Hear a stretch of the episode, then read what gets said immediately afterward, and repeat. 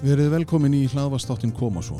Ég heiti Híðin Sveinbjörnsson og fæ til mín góða gesti sem spjalla um ferðarlega lífsins, börn, úrlinga, uppeldi, ákvarðanir og allt sem að ferðarlæginu viðkemur. Það er von mín að þátturinn Koma svo virki sem pepp fyrir foreldra, fagfólk og alla þá sem hafa áhuga á einstaklingnum, lífinu og tilverunni. Heil og sæl kæru hlustendur, hér er komið að enn einu þættunum af koma svo.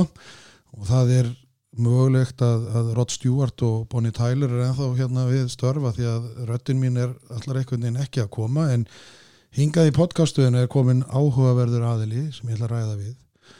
Og það er ekki laust við að ég er búin að vera svolítið stressaður í dag því að hér er komin sko fyrir um fegur og drottning og maður bara er svolítið svona á nálun sko að fara að ræða en, en svo kannski kemur að að hér er verður rætt um stress þannig að ég vil bara fá viðmæland minn til þess að kynna sig og gera svo vel Já, takk kjærlega fyrir. Ég heiti Ragnar Guð, Guðfinna Guðnadóttir.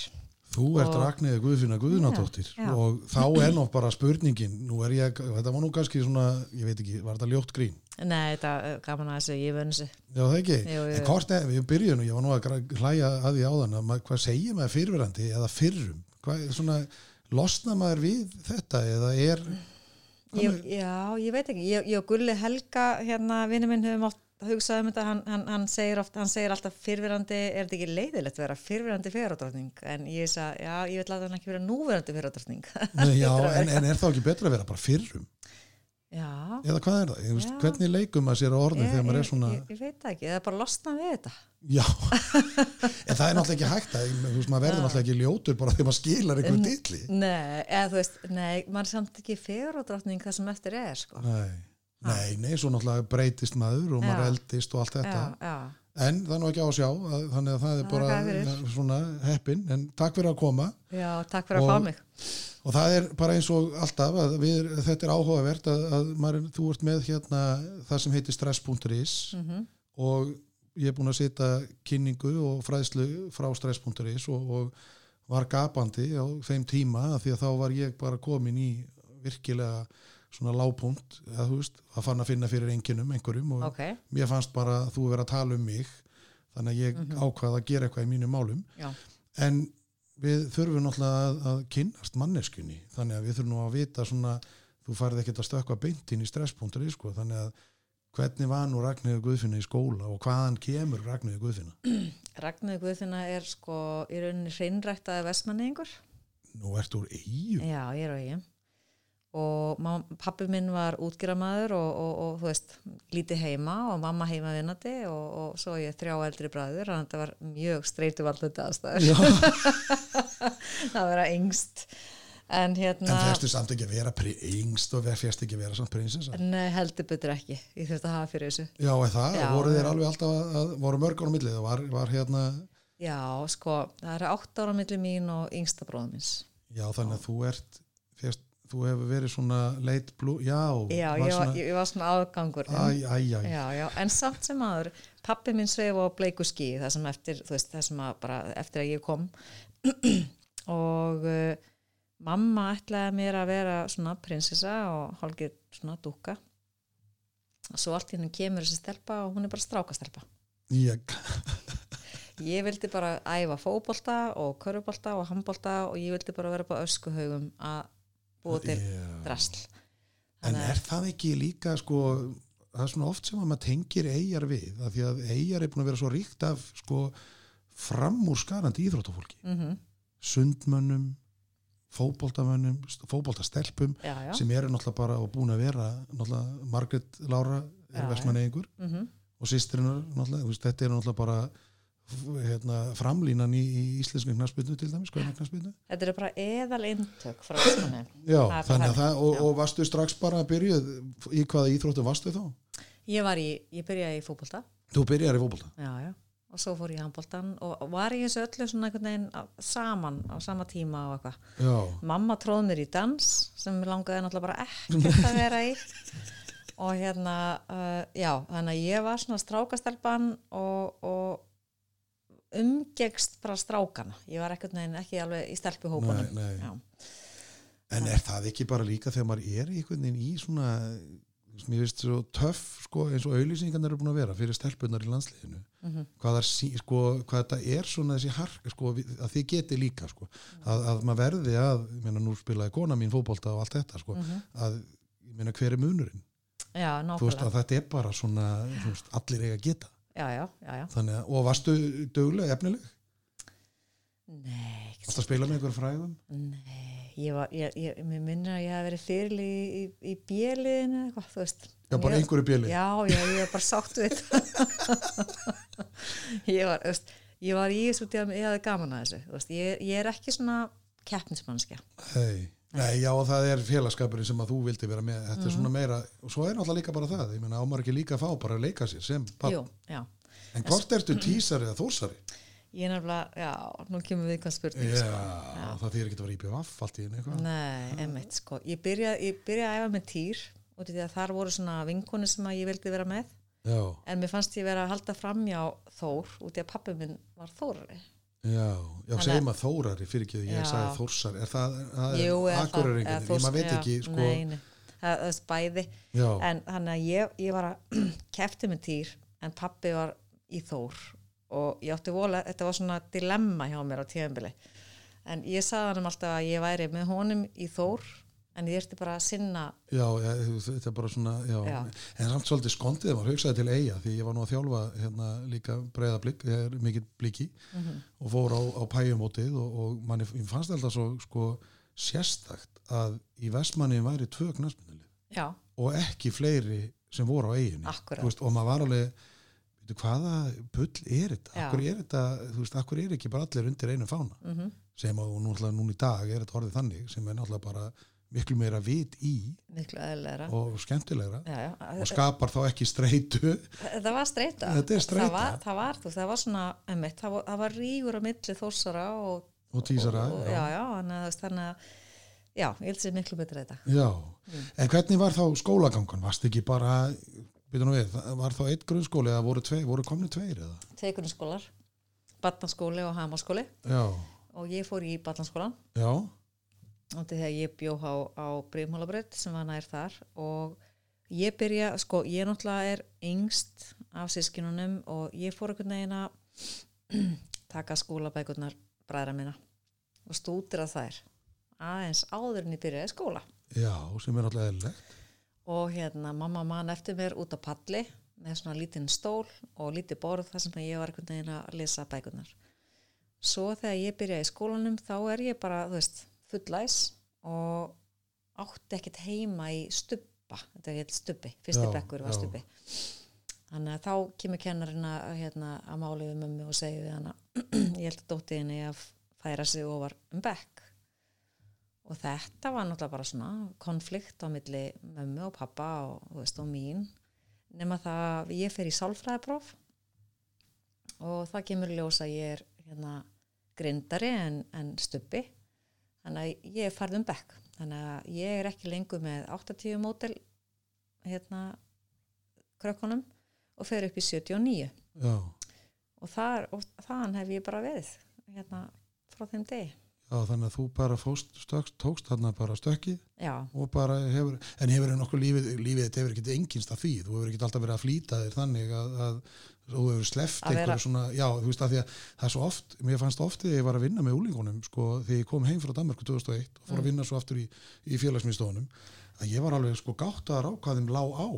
Að því að þegar ég var í skóla, þú veist, ég var marg, marg oft sagt þetta, þá tók maður barnaskólan, svo tók maður gaggó, svo tók maður mentó, þetta var allt í svona blokk já, en svo núna þá bara einhvern veginn svona þetta, þetta er bara einhvern veginn svona alltaf að gerast og hratt. Já. Nei, ég held að ég sé bara hérna með þann eiginleika ég tek eitt að einu. Já, og, Einhvern hefur, kannski alltaf gert. Já, í rauninni, þú veist, ég bara nýt núlíðandi stundar og, og, og hérna og mist tím, sko ég er ekki veist, ég er ekki eina af þeim sem er að nýta tíman eins mikið og ég get. Nei, já, tíminn er bara og hann verður og Já. þú veist þannig að þegar ég er í núlíðandi stund þar sem að tíminn líður þá er ég ekki að stressa mig á því hvað ég fæ út úr tímanum hverju sinni. Ég bara, líður mér vel mm hvað er ég að gera? En ég er ekki eitthvað að, veist, að, að hérna, hlusta, á, hljóðbók og skúra á sama tíma. Já, ok, ég já, er bara já, sallaróleg já, já, þannig að þú bara skúrar?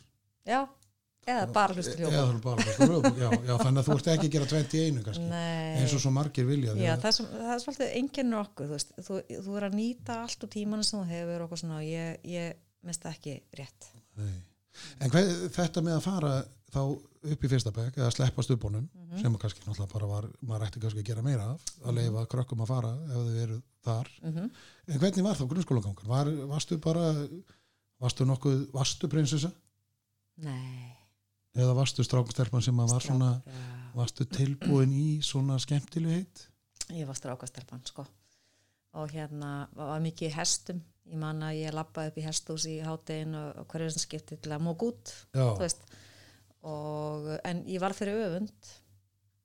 Þú varst fyrir öfum Já, hann að ég, fekk, ég, fekk, ég fekk öfund og ég var, veist, það var svona aðkast út af því að það voru, það voru krakkar sem voru í mínum árgangi Já, sem að öfunduðu það að ég var komin í í, efri. Já, og svo voru krakkar í þessum árgangi sem að ég fór inn í sem að þóldi ekki að ég var að komin inn þannig að ég, já, ég byrjaði örgulega þarna að verða já, fyrir já, þannig að þú já, þannig að það hefur, já, þú kallar þetta öfund. Já, en er ekki það sem við myndum kalla einelti svona núna eða, eða var, var þér strítt ekki, var þér ekki strítt heldur var þetta bara þú ert þú varst svona uppliðið kannski sem eins og maður, ég er að hugsa um þegar þú segir þetta sko, mm að þú bara 79 mótilinn hugsa hvaða aðskota dýr er þetta?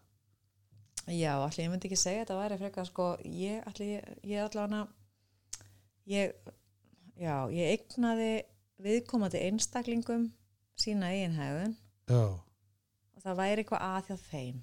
Já, þetta væri ekkert með mig að gera. Nei. Þeir væri bara að glíma við sitt eigin vandamál. Já, þannig að ef einhver kom illa fram með mig eða sagði eitthvað um mig þá tók ég það ekki persónulega. Já þannig að þú hefur byrjað verið bara farin að hugsa svona í þessum svona, þessari leið bara ung Já, freka sko. Veist, þannig ég tók aldrei að hérna, ég tók aldrei þessari hægðun sem eineltisægðun eða nýtt slíkt. Bara, ég hugsaði bara hann eða hún á bátt. Já, en það er, er, sko, er það ekki oft líka þannig, mað, sko, við höfum nú líka reynt hjónin að gera þetta við börnin okkar, Mm -hmm. þú veist, af hverju, þú veist, ef þau komu grátandi eða það var eitthvað, sko, byrju, hvað var þá, hvað heldur að hafi verið hjá hinum?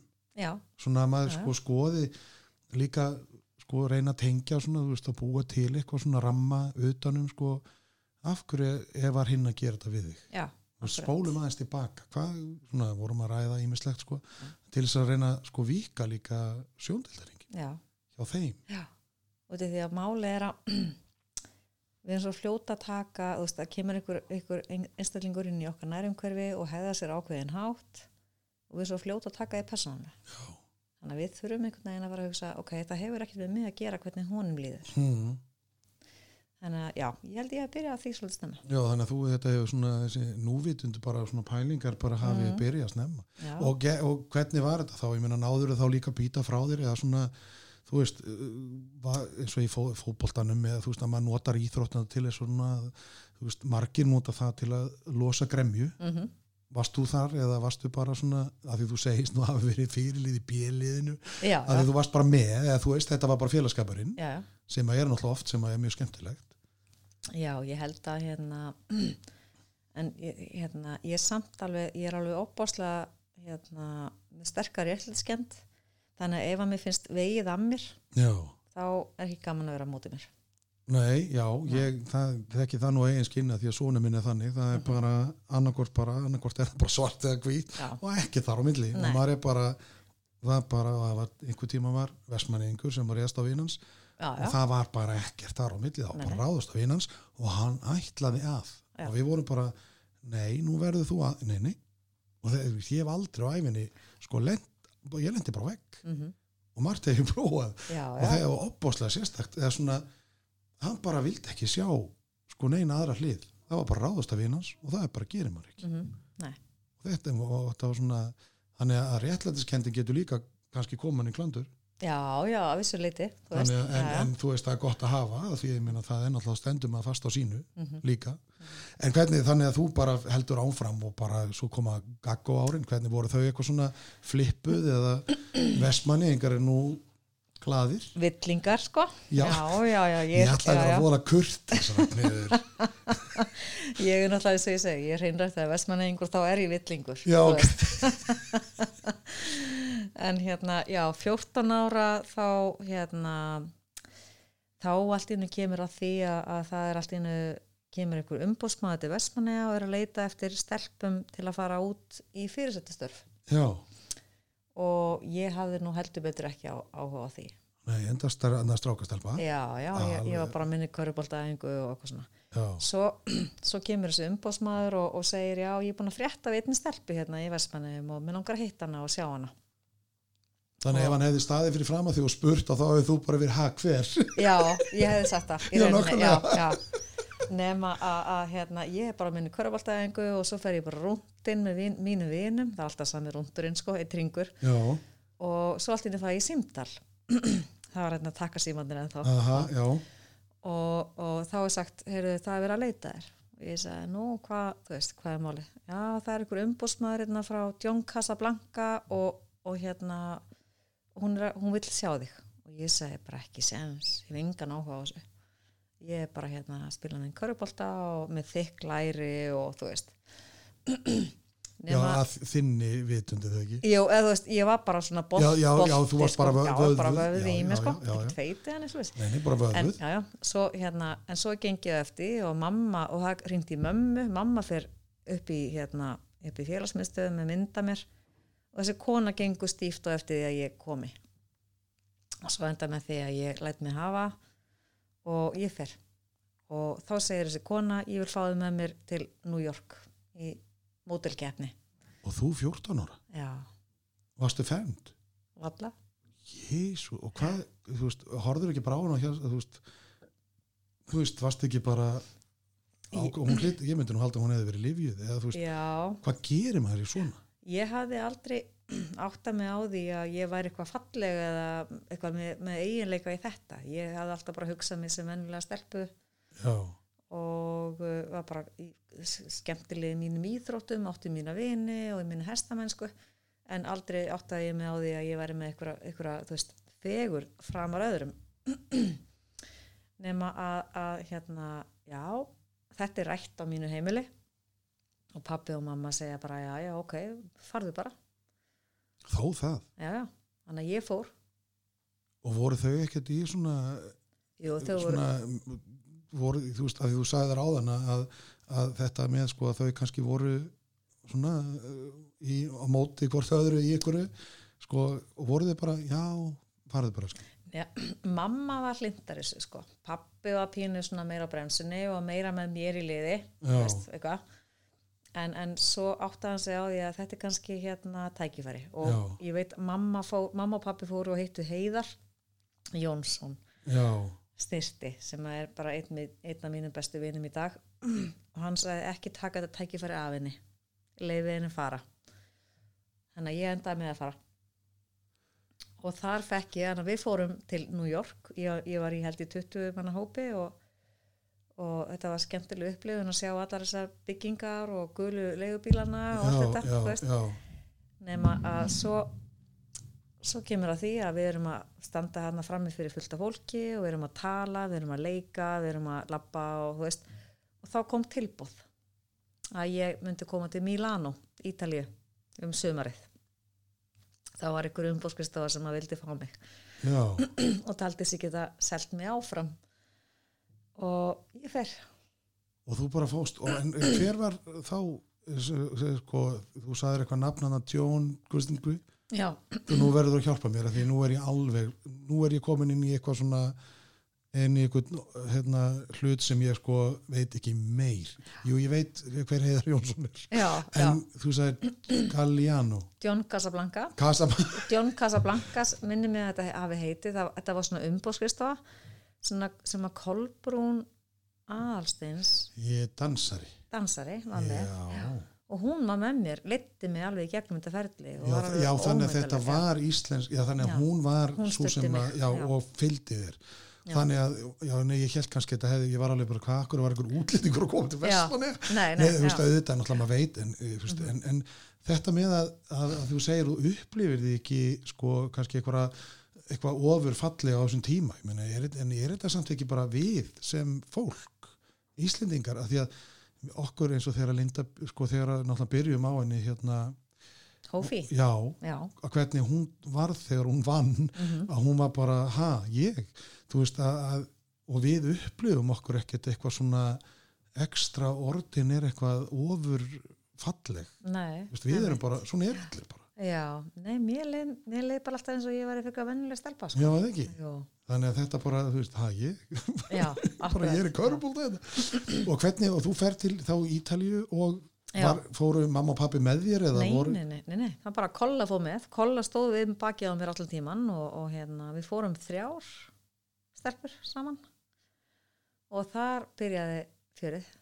þannig að þá varst þú bara komin inn í hinn alræmda heim fyrirsætunar Já, og það var skemmtilegt sko, skal ég segja þér.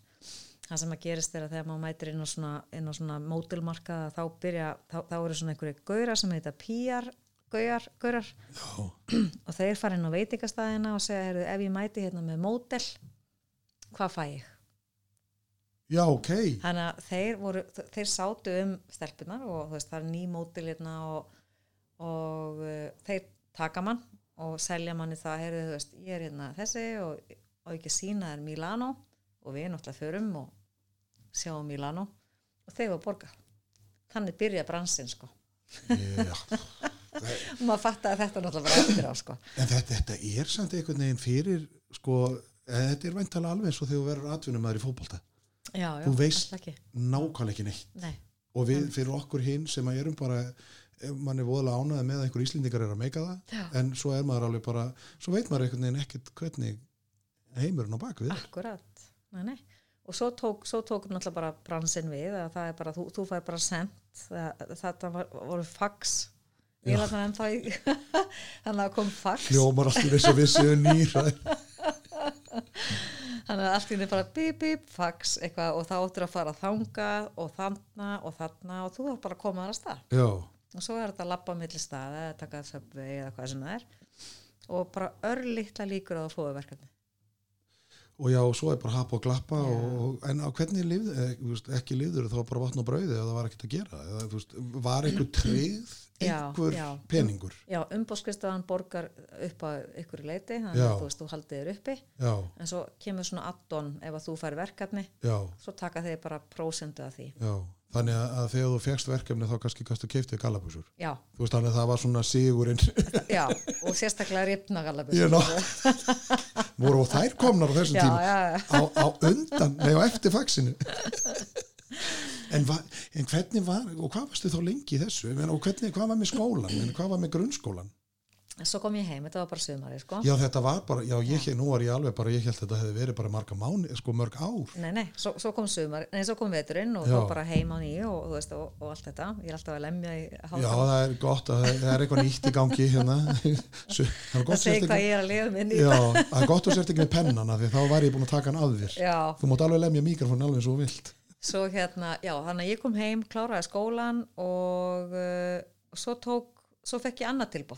að já, og þegar ég var komin í mentaskóla eða framháskólan í Vestmanni og þá, þá kom annað tilbúið að þeir vildi fá mig til London.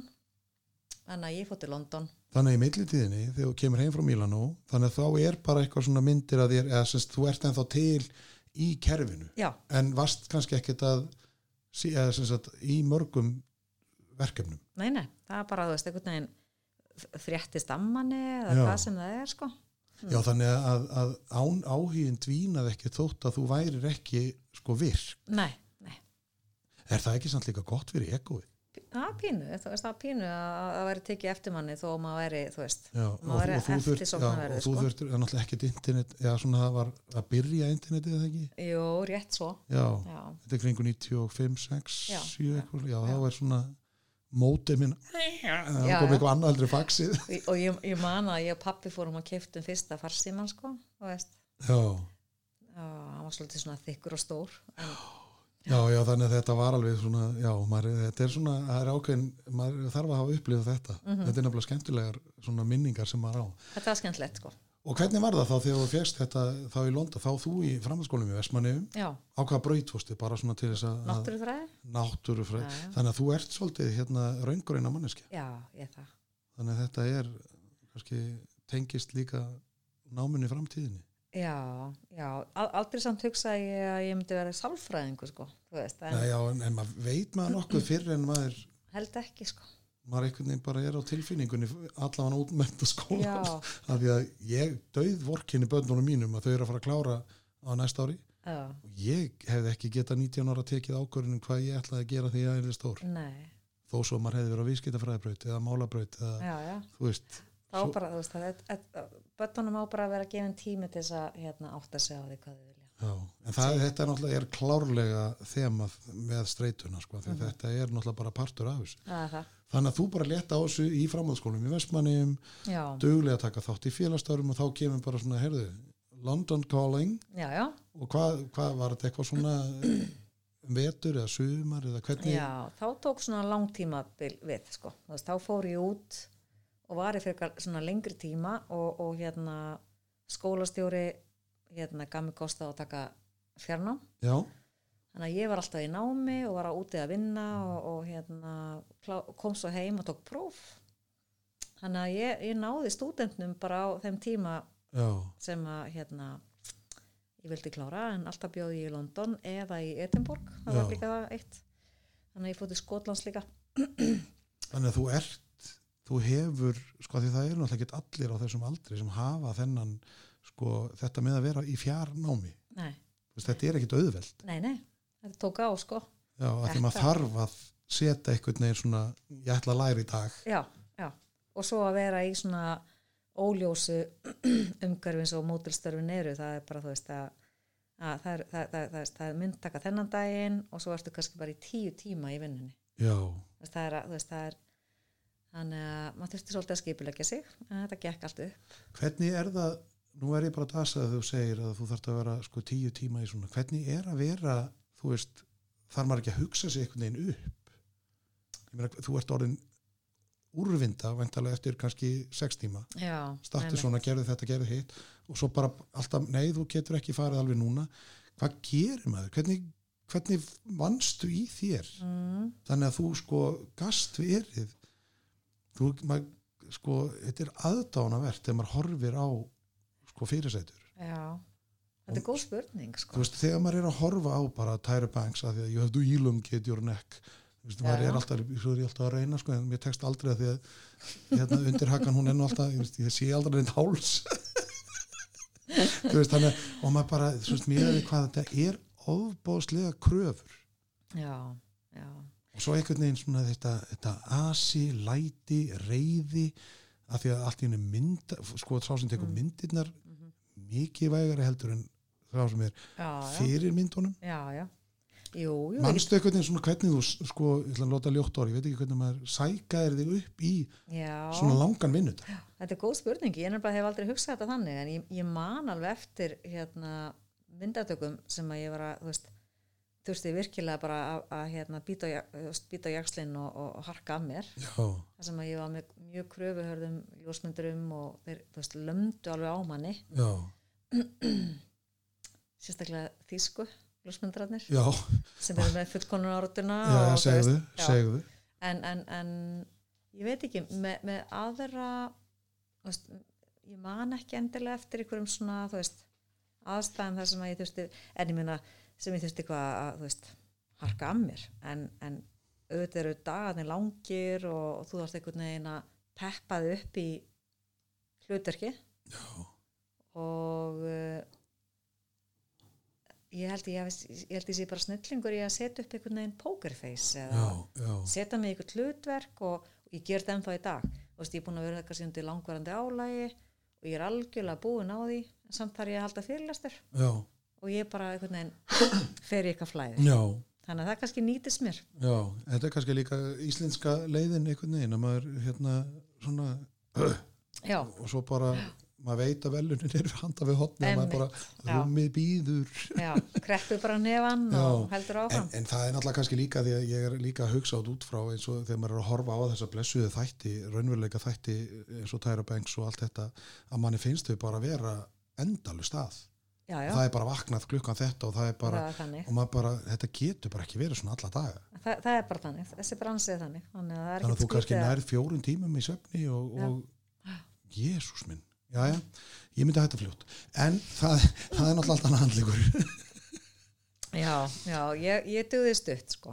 Já, en, já. En, en, en ég, samt, ég þakklátt í reynsluna. Já, já, ég meina það er náttúrulega það sem byggir svo líka, þetta er svona einhver sem að, að þú veist, maður er með þennan bakpoka. Já, að, að því að við getum, þú getum náttúrulega kannski frætt okkur um bakpokan og eftir Mhm. að því að, með steinan á svona. Já, já. En, en og svo, þannig að þú ert í London og Edinborg og, og klára stúdendi þá veintanlega Já, sko, svo kemur upp að, að pappi, hérna, pappi deyr, hann er bara ákvæður þegar ég er 19 ára. Æ, Þannig að ég þú veist, ákveð að ski, spra, veist, segja skili við þennan brasa. Já, og ákveð að koma heim. Og klára síðasta ári í stúdendum heima í Vestmanni og er bara þar með mömmu og, og hérna er að reyna einhvern veginn að fóta mig aftur og hérna í svona íslensku samfélagi. Já. Og í kjölfara því fer ég svo til Reykjavíkur og, og, og fer reynir við lögfræði. Og fekk tvo. Í lagfræðin já. Ég var aldrei að fengja svona lága einhvern en hérna ég var að vona að enginn myndi þekka kennitöluna mínu þegar við vorum að lesa einhvern þá voru það þannig þá fórstu og labbaðir og skoðaði sko, kennitöluna eina eða eitthvað prónúmir og tveir. Þannig að ég sagði lögfræði ekki við mig.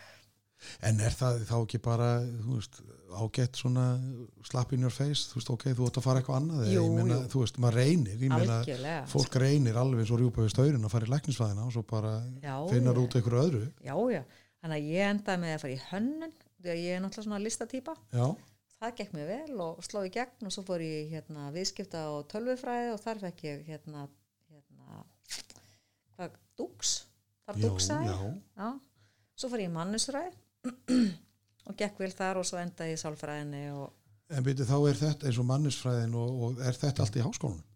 Já, byrju, ertu þá með fimm háskólagráður nei, ertu, þetta er svona endumöntunin Já, já, já, ég hélt allt í einu. diplóma já, ég held að það hefði bara verið svona undir þenni samtíð og Já. þú bara að Georg Alfred Já, einmitt. Bjartfræðarsson hefði verið bara byggður á því Já, nei, já, nei reynd, en ég flakkaði á milli sko. Já, ég já, vissi þannig að- ekkert hvað ég ætlaði að verða og, og svo bara hægt og rólega þróaðist í þessa átt sko. Já, þannig að hvenar, hvenar uh, og einhver staðar þarna á milli þá er þá væntalega 2001 Já, 2001 þegar já, að, að þú verður já, þú, þú þarft alltaf að minna mig um það. Já, ég vil, ég ætla að klára það var þetta bara óvart þá eða? Já, ég, ég rataði svolítið óvart í því þá ertu væntalega bara 21 árs. Já, fegurasengjarnina Já. Já, þá, þá var svona svipu staða þá, þá var kallað á eftir mér. Var það heiðar? Nei, það var ekki heiðar. Það var hún Elín sem að sá um fegurasengjarnina sínum tíma sko. Já, og uh, það var svolítið kallað í mig og ég sagði bara nei mér, veist, ég bara, mér langar ekki meiri aðtikli þetta en það var þrýst á mig þannig að ég sagði bara ok ég læt mér hafa þetta. Þannig að ég fór og ég sé ekki eftir því þú veist, ekki Nei, svona félagslega síðan já, já. en, en, en, en hérna já, já, og svo þurfti ég náttúrulega að vinna þetta. Já, er mitt og þá náttúrulega þessi með að þá þurftur að fara í, í ungfrá alheim og alla þessa villisu já, ég vann ungur Reykjavík það er svona fyrsta fórgjarnin já, og svo tekum við önnu sem heitir Ísla, hérna Ungru Ísland. Og ég vann hana. Og þá átti ég að fara út og þá er allt inn er ég og núlétt já, veitu hver fór þá? Íris, Íris Björk. Já, þannig að þú svona komst þér þægilega undan þessu. Já, var bara með eitt laumu farþega. Já, og það er vantilega ekki alveg, maður fyrir ekki alveg óléttur í svona kæfra. nei, en það var alveg rætt sko, því að ég var komin svo stutt á leið Já, en já, samt já. komin það langt að leið að ég gæti ekki farið ykkur þú veist, hérna, fóstureyðingunni slíkt að hérna já, þannig að ég var komin það langt á leið að það myndi líklega sjá á mér Já, ef ég færi í en alheim. segir þú fósturengin, en þú hefur náttúrulega aldrei svo sem gert það eða nokkuð. en já, maður hefur hýrt sögur Já, þú mein. já, já, já, Þannig að þetta er svona brútal þetta er það var allar að fórna fóstrinu eða, eða, ferlinum. Já, en þú hefur þá væntalega valið ég fæ, fekk, nú fekk ég alveg svona kipp ég var alveg bara, já, að því leið og sagði þetta því maður einhvern veginn, jú, jú maður skilur, þú veist, þetta er náttúrulega breyfni í aðra umræðu, sko, Mhm. en maður skilur þú veist, en kannski ekki fyrir þetta, ef þú hefðu verið sko, spurningu líf og dauð já, já, já, en æ, það er alltaf eitthvað annað þetta, þetta, þetta, það var aldrei vafi í mínu huga sko. þannig að það var alltaf litli dásamlega strákurinn sem heitir Tristan Gilvi Baldursson og er bara, þú veist, orðin fullorðin í dag hreinræktaði gullmóli sko. Já, já, Mm. svo er þetta bara náttúrulega líka, er það ekki, er þetta ekki bara besta sem maður ákveður? besta ákvörðin sem ég hef tekið sko. Já. já, já. Þannig að þá skulum við leggja þennan kapla af lífinu bara til hliðar. En þú náttúrulega ert komið svo veit ég náttúrulega þegar þú sagðist verið með þrjú börn, já, já. þannig að það er komið fleiri. En Mm. sálfræðin, dettur hún í fangjöður eða að því að eins og þú segir, ég meina þegar að ég heyrði hann kollega hennan Ólaf Þór segja að, að þú, hann væri nú með fyrrverandi fyrirsetti, ég var alveg fyrrverandi ung frá Ísland, maður getur ekki sagt það en þannig þess vegna vil ég segja að þú sett fyrrum en, en maður svona þú veist, er þetta náttúrulega fordómar, ég, skammaðist mér alveg ræmur sko, svo því að svo, náttúrulega var ég á námskeiði hjá þér og ég bara vá hvað þetta er, þú veist, það meikaði svo allt sens og þú gerir þetta svo vel og ég var bara, þú veist, ég var ekki tilbúin að giftast þér en, en þú veist, ég var tilbúin að hlusta þú náði mér alveg og þú þurftir ekki að vera neinn fegur og drottning til þess að ná mér, sko. Þannig að hvernig, þú veist, hvernig dettur inn í sálfræðina? sko um, þegar ég er já, þegar ég er með hann Tristan Gilva lítinn þá fer ég hérna markasvæði og uh, hérna, mér gengur mjög vel þar. Ég held ég væri svona meira ég held ég væri svona sölutýpa markas, auðlýsinga hönnunar eitthvað. Og, og, og gekk mjög vel þar. Svo finn ég bara einhvern veginn að það er einhvern veginn ekki alveg að, að gefa mér eins og ég vil. Frek, frekar þekki sjálfa mig. Og ég held áfram. Þannig að ég enda með því að ég fer í hérna ég fer í, í mannesmál fyrir, já, í mannesfræði. Og þar finn ég alveg já, þetta er eitthvað svona, þetta er á, á vel við mig þessi, þú veist, að fylgjast með mannleiri hegðun í félagslegum aðstæðum og svona hvernig get ég lesið í fólk og eitthvað svona fatta það. Og þá einhvern veginn finn ég að hérna sálfræðin er eitthvað sem á vel við mig en ég held að þessi fyrst skipti sem ég áttaði mig á því að sálfræðin var eitthvað sem ég vildi var að þegar Elli Vignisson bæ, fyrir bæjastjóri Vestmanniða Já, kendi mig sálfræði í framháskólum í Vestmanniðum að hérna, þá ég segi bara þetta er áhugavert. Ég man það núna. Já, þannig að svo bara leitt, eitt á öðru. Ég kynnist nýju manni ég skil við hérna basföðu minn og ég kynnist nýju maður, manni og við eignust tvö börn og, og ég fyrir sálfræðina og byrja að vinna við þetta og uh, svo bara ekki aftur snúið. En hvernig er það nú því að þá er náttúrulega tekur í sálfræðinu væntalega á þreymur árum. Mm og hvað, stóðstu svo frammi fyrir því að, að hvað er þetta ekki valið um klíniska og ekki klíniska já, í rauninni, það, það er svolítið veist, þetta og, og, sko. og, og hvort valdið eða svona, hvað, hvað gerir þú þá þegar þú stendur á þessum krossgötum? Klínisk sálfræði snýr svolítið mikið að því að vera að tala við fólk og greina það og vinna með einstaklinga. Já, og meðan önnu sálfræði eins og félagssálfræði og vinnusálfræði hún snýra því að vera að vinna meira með fólk í hópum fylgjast með fólk í félagslegum aðstæðum rannsókn að vinna og annað og það heitlaði mig meira já, það heitlaði mig meira að vera inn í félagslegum aðstæðum og fylgjast með fólki og vinna með hópa. Þannig að ég fór í vinnu og félagssálfræði.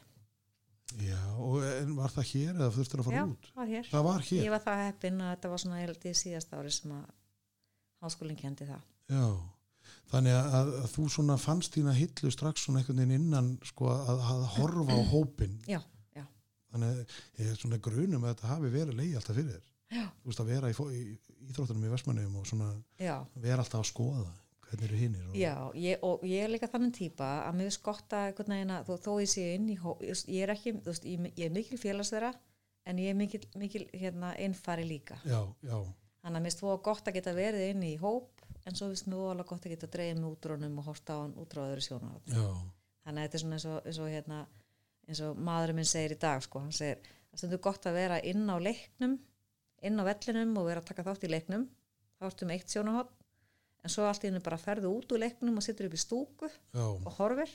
Þá var allt annars sjóðan já, það er svolítið að að draga sig úr aðstæðanum Já. og, geta líka sko, séð hlutina já, sem að það er ekkit allir sem hafa þennan eiginleika því að það er, þú veist, maður svona kannski ræðist að hvernig hvar áhuga sviði liggur mögulega sko. þannig að þú klárar þetta og ferðu, ekki ferðu þá að hafa áhuga svona að því nú ertu, nú erum við að fara að ræða þá hérna streita, ég, röddin á mér er alveg fyndin sko, streita.is mm og, Stress.is. stress.is talandi um sko. Þannig að, að hva, hvenar ferðu svona að leiðast eh, sko, hvenar ferðu að, að skoða þessa hluti, er Mm. það þá bara fljótlega eftir og klárar sagt þá masterinn? Já, nei, sko, málið er að, að, að finna við stöðu mína í dag er að, að ég, ég sl- slysast inn í sjónvarpið á sínum tíma, hvort það hefur verið 2005. Þá ringi Róbert Marshall í mig, sem að var þá fréttastjóri stöðu 2 Já, og spyr hvort að ég sé, hafi áhuga á að koma í sjónvarpið, þá hefði ég bara verið með einhverja litla þætti á Pop TV á sínum tíma. Já, og hann segir þú með skemmtilega hérna, framkomu og skemmtilega rödd og, og hérna, viltu koma veist, inn, inn í stöð 2 og ég segi ég skal skoða. Þannig að hann býður mér að- hérna, koma inn í Íslandi bítið. Já, og með heimi Karls. Og ég segi bara úf, þetta er bara svolítið mikið fyrir mig. Ég er, ég, ég er svo ekki pólitísk en eitt svo les en hann segi já, ég meina þetta er bara eitthvað sem að vinn, þú veist, þú vinnur með þér. Og ég segi já, já, við skulum bara slá til. Já og þá Ég- var náttúrulega heimur búin að vera í þessu í hundra ár. já, já, eins og, eins og ennþá Já, dag, já, já, já, já, Þannig að ég, ég stekk í djúpulögina og bara og ákvaða að vera, þú veist, vera hérna með heimi í Íslandi bítið og, og fannst vola gaman, svo lengi sem ég fekk að vera á mínu fósundum þegar það var að þvinga mig inn í einhverja pólitískar umræður og já, já, já, eitthvað, eitthvað sem maður hefur ekki engan veginn áhuga á. og bara enga þekkingu, Já, veist, neitt, sko, þannig að þá leiti ég bara út eins og hálfviti. Þannig að ég, svona, með tímanum fer ég alltaf inn að finna að mér líður ekki vel í Já. sérstaklega þegar verið er að þvinga mann inn í eitthvað sem að, veist, en ég var þarna í ár, vaknaði held ég fimm, alla mótna. Var þetta þegar, já þetta var þegar að morgun sjómarpi var Já, að já. svona að átti sinn, sinn glory time Já. eða hvað maður segir. Þarna þurfti maður að vera alltaf sætur og, og, og vel útlítandi og, og vera með alla hluti á hreinu og það voru mikla kröfu frá samfélaginu. Já, og ég fyrst máum saman allt í henni bara að byggja upp streitu. Ég fann það bara, að þetta var orðið þú veist, álit annara skipti með opaslega miklu máli. Já, þannig að ég, ég, veist, ég, var ekki, veist, ég var ekki lengur með ábyrð á mínu megin líðan nei, já, það var að fara að stjórnast af utanakomandi ást já. já, þannig að þú mistir eins og gast gert í Vestmænum Já. með öfundina Já. að þarna bara náður ekki að, að, að bremsa það af. pressan og, um, og umtali var svo ljótt sko. það, það, sem fólk getur látið út úr sér um annað fólk og það sem fólk getur verið dómhart á mann á þess að þekkja mann það er svo ljótt sko. En ég leiti þetta ná til mín sko. hann að smám saman brotnaði bara mín sjálfsmynd niður og, og, og ég fór alltaf inn að finna að ég bara var ekki á réttum stað.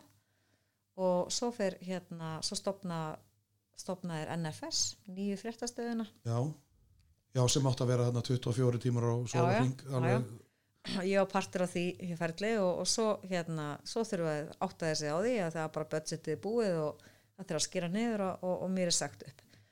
Og hérna og, og það, ég tók þeirri hérna uppsögn fagnandi. Því að það var bara svona ákveðin laust fyrir mig Já, en auðvitað sjokk, það er ald- aldrei gaman að vera sagt upp en, en hérna ég tók því allavega bara fagnandi og ég sagði bara nú er bara verið að senda mig ykkur nýja átt. Já, og þá tók svona nýtt ferli við sem að hérna litið mig í sálfræðina. Já, sem að, að þá varstu, já, var það þá sem að þú ferði í sálfræði? Já, sem bara, þú ert þetta bara nálagt 2000 og bruni já, já, já fljótlega kjölfar á því. Já. Ég fyrir að vinna aðeins í mittiltíðinni með, 2000 og hruni, þú veist, Já, er alltaf að búa til einhver ný orði hérna, sko. ég var gaggrind fyrir það reyndar. Ég saði einhvern tímann hérna í Íslandi bíti, saði eitthvað svona, það er hérna skyndi hálka, passið ykkur. Og það var bara alveg tekið, þú veist, ég var tekið á lífi. og mér finnst það nú bara skyndi hálka þetta er bara þess þegar að snögg frís Já, það ekki. er það ekki bara skyndi við ættum að vera svona smíða Já, skulle byrja á því.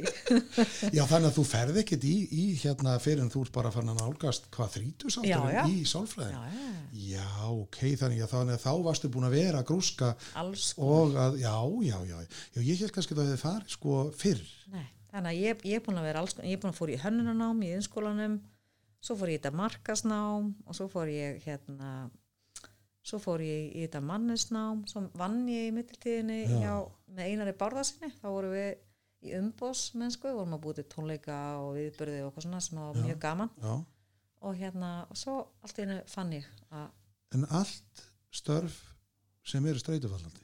já, já, já, allt svona maður er í svona hálfgerði framlínu Já, og alltaf og í skotlínunni Já, nákvæmlega, svona mm áreita því það er Já. nú örgulega ekkert verra heldur en að vera eins og með að skipulegja sko tónleika. Nei, nei, það, það, það var mjög gamansamt og Já, gefandi og, já, og nýtist já. mér í dag heldur betur. Já, auðvitað, ég er ekki að segja veist að þetta er bara þetta hljóma svona eins og að, að þú hafi verið að sko svona leggja línunar að komandi störfum af því að þú verður náttúrulega líka að hafa eitthvað í farteskinu Já, já, til þess að geta talað um það. Já, þannig að, að þetta er svona er aldrei gott að, eins og þú segir er sko, ég, ég var svona næstu því sagt upp.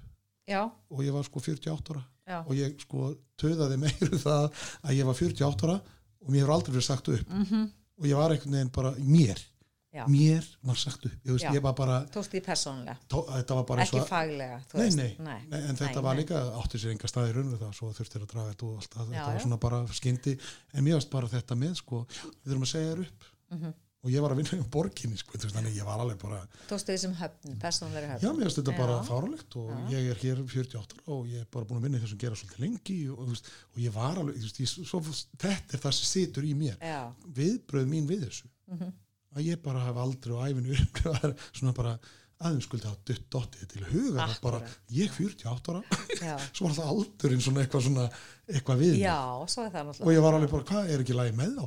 Ja, en þú veist svo var ég bara ok hættu þessu. Já, því að svona, svo, svo leiðir eitt af öðru, þú, veist, að þú, þú verður að horfa á atbyrðið sem þú lendir í lífinu, þú verður að horfa á það sem tækifæri, já.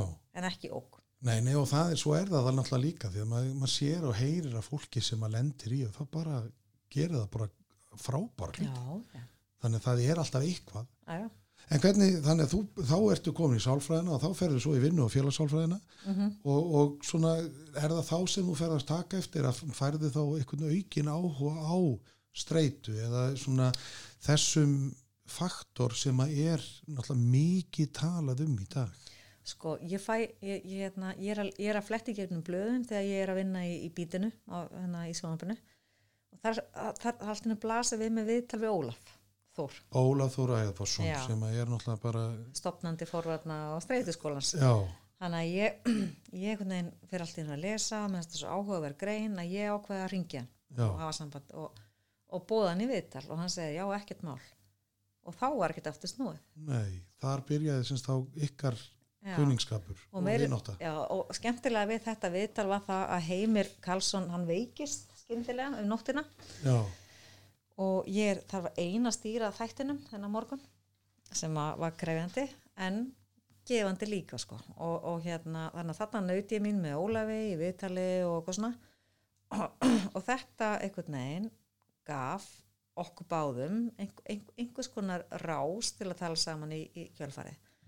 Svo, svo þegar ég er að hætta þá, hérna, þá kemur einhvern veginn upp svo staða að við erum allt inni farin að tala saman aftur og hann býður mér já, við hittumst og hann býður mér að koma og tala við sig og veist, á hverju ég hefi áhuga á.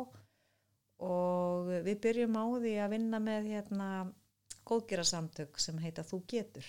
Já, hann er að verða 50 og hann segir, mér langar svo rosalega að, að hérna, búa til hérna, góðgerasjóð til að styðja fólk sem á við geðra vandamál að stríða og styðja þau til náms. Og ég sagði, gerum þetta bara. Og hann bara, hvað meina ég sagði, finnum bara í þetta. Mm og hann sagði, getur það? ég sagði, já, já, ég er búin að vinna í þessum bransa og þekki allir þessar tónlistamenn og þannig að við settum upp bara stóra tónleika í háskóla já, sem að var í til styrtar þú getur. Og, og hérna svo heldum við bara ár eftir ár og, og í þessu ferli þá byrja ég í sálfræðinni já, þannig að þetta hefur verið svona, hann, hann er stór áhrif á þáttur í mínu Já. lífi sko, þú veist, að hérna, leiða mig inn í sálfræðina Það er svo gaman þegar, að, þegar maður svona lítur tilbaka. Alveg svo sagðir ellið, þú veist, að því hann kenniði sálfræðina og svo þegar Já. þú fer að hugsa, þú veist, mað, þú veist, ég var starffræðikennari hjá mér, eða okkur öllum held ég í, hérna í Vesturbænum í Kópói, sko, Mhm. að hún einhvern veginn hafði, hún var bara svo æðisleg. Já, já, já, já, þú veist, en hún var bara svo frábær, sko, hún var svo, svo samkvæm sjálfuð sér og hún sko gæti verið alveg brjáluð. Mhm. Svo á móti þá tala hún, veist, hún einhvern veginn hafði þetta í sér sko og mann lang, man langaði til að vera eins og hún. Já, veist þannig að þetta er svo og svona, svo hittur um mannesku kannski sem hún gerir ekki grein fyrir en eftir á. Að það er eitthvað sem að og hann er náttúrulega alveg snillingur hann Ólafur Ólafur, já, já, já. með rólegri mönnum sem ég nokti um kynst að ég er náttúrulega svona það þarf að vera svo mikið læti kringum mig. Þannig að stundum, svo var ég með honum í rödd sko í kallakórnum, Mhm. þannig að stundum var ég kannski aðeins svo mikið æsingur í mér. Já, já, já, já. þannig að hann er svo svona gaman á því. Já, ég vona það því að hann kvartaði allavega ekki. En hann svona leit stundum á mig og ég þá var ég alveg bara, ups, nú er ég að gera eitthvað sem að doktornum fyrir já, líkar ekki sko. En það var kannski bara því að maður leta það hafa áhrif á sig sko því að hann er náttúrulega mektar manni finnst hann vera svolítið klár sko. Já, já, en þú mátt alveg allavega hérna, taka, taka það að hérna, hann dæmir ekki fólk. Nei, og það er náttúrulega svo er hann bara svo rólegur og maður bara, mann líður svo vel í návist hans. já, dásamlegu bara Þannig að þið bara byggið þið, þú getur, meira sér ég búin að syngja á tónleikum þar sem að var verið að veita hérna sem sagt, viðurkenningar eða þessa styrki og svona, þannig að þetta er ennþá já, núna mörgum ára setna já, og þú klárar sálfræðina og svo klárar masterinn og þá ferða, farið þið þá að vinna saman Já. beint og, og var, var þá streita.is nei, stress.is, veistu hvað er að mér? Ég held að heilin á mér sé bara í, ég er að bara búið með tankin og sko. þú kom í meðferð. Já. Mér langar svo að kalla þetta alltaf já, en, en stress.is, byrjið þið þá með það? Já. Eða sko, eða ferð þú inn í forvarnar streituskóla ég fer eiginlega inn í þetta dæmi með honum veist, þá, þá, og, og, og, svo, og svo í kjölfæra á því þá fyrir við að vinna saman sem svona já, teimi, ég Já. og Ólafur. Já, og hann er náttúrulega bara læri meistari minn sko, þú veist, ég, ég læri af honum og ég fyrir með honum inn í verkefni og hann kenni mér og þú veist og ég læri. Og svo bara smám saman fer ég að vera sjálfstæðari. Já, og uh, hann fyrir svona meira hægt og rólega að geta sleppt tökunum á mér og trista mér. Þannig að það er náttúrulega ekki smá dæmi að, að vera búin að byggja upp stórt hérna, virðingavert fyrirtæki. Já, og allt í henni að fara að trista manneski fyrir því að standa út í bæ og já, tala í nafni þess. Og já svo, svo bara hægt og rólega höfum við bara verið að vinna þetta veist, samstarf áfram og, og erum að byggja utan á teimið já, þannig að það kom, það er alltaf að bætast við fólk og við erum bara orðin veist, svona þver faglegt teimi sem eru bara lögfræðingar mannusfræðingar uh, félagsráðgjafar, sálfræðingar geðlæknar, þannig að við erum farin að hugsa um allan ringin já sem að hefur kannski vantað já, svona þessi heilstæða hugsun og, og maður saknar eins og í, í grunnskólunum mm eða bara allstaðar ég meina það, það, sko, það sem ég heitlaðist við því ég fekk kynninguna hjá ykkur Mhm. á þegar þið komuð að þá maður svona já, þetta er rétt. Það er einhvers staðar svona að, að þú átt að geta lappað einhvers staðar inn og það er einhver sem segir heyrðu, ég er þetta með manneskinu fyrir þig. Já, þú veist, að því að það þarf ekki að vera sko, þú veist ekki hvað er. Mhm. og svo lappað þú inn og svo segir eitthvað já, já þú gæti nú verið svona. Já, talaði þetta við félagsfræðingin eða þú veist, skilur að það er ekki endilega sko, þú heldur og sért með eitthvað. Mm en svo er kannski bara eitthvað allt annað. Emitt Já, þetta, þetta, er, þetta er svolítið þetta að spotta, þú veist, þartu félagsráðgjafa, þartu áfengisráðgjafa, þartu sálfræðinga, þartu bara, þú veist, markþjálfa, já, já, Þetta er svo ótrúlega margar hliðar á, þú veist, lífin okkar, já. hverju sinni. Og þú, var ég manni held að þú með bakbókan með steinan eða var það hann, að, að maður svona er alltaf að bæta eða einhvers það kom þessi sko bakbóka svo, saga sko Mhm. að kannski bara, maður segir eitthvað við eitthvað og þá fer steinin og það bara velti þér sko. Já, að þú veist aldrei hvenar þú eða hvað það er sem þú ert að bregðast við. Nei, streitan kemur svona skyndilega í baki allt í henni, en þá kannski það er nú gaman að, að hvern, ertu bara í fullotna einstellingum eða eru fáið í börn eða, eða svona hvernig sko stress eða streyta kemur allstar og mér Já. finnst náttúrulega ég er náttúrulega með þá krakka sem er á svipum aldrei og þinn elsti Mhm. og maður að upplifa svo mikið sko nákvæmlega eins og ert að segja að þetta utanakomandi áreiti já, að það er einhvern veginn sko ef að það var fyrr Mhm. og ég man eftir félagsmiðstöðana voru með hérna herrferðir þar sem að, á frontinu var sko mótelið alveg voðalega fínt og flott og svo var bakkliðin sko bakkliðin og þá varstu með klemmur og tæki sko til þess að, gera þig emmi uh, sko þannig þú væri flott mm og photoshoppu og allt þetta sko. Að, að þess að sko hvað streyta er, eitthvað- það er allir eitthvað svo uh, tens, hvað er íslenska orðið tens, svona uppstökkir. Já, já, já, þetta, og, og já. þú veist, hver, sko er þetta aukast, þú veist, þetta er eins og mér líka svo illa við sko einu sinni í skólanum hjá krökkunum þá áttu allir að vera vinir. Mhm. og það var sko, þetta vina orð var náttúrulega bara orðið svona útþynnt að því það var Facebook vinur, Messenger vinur þessi vinur, hinn vinur og eitthvað svona. Og maður var bara þau komið bara þar ég að vera vinur allra? Og maður bara, nei, en þú kemur fram við fólk eins og þú vilt að aðri komið fram við þig. Já, emmitt þú, veist, þú átt þína næ, ná sko nánuvini Mhm. en svo er þetta svona því að ég lendi nú einu sníði í mínu starfi í félagsmyndstöðun að það var, hvað ertu búin að þekka, þetta er vinu minn. Mhm. svo gerðist eitthvað og ég leið, hvað ertu búin að þekka manneskinu lengi?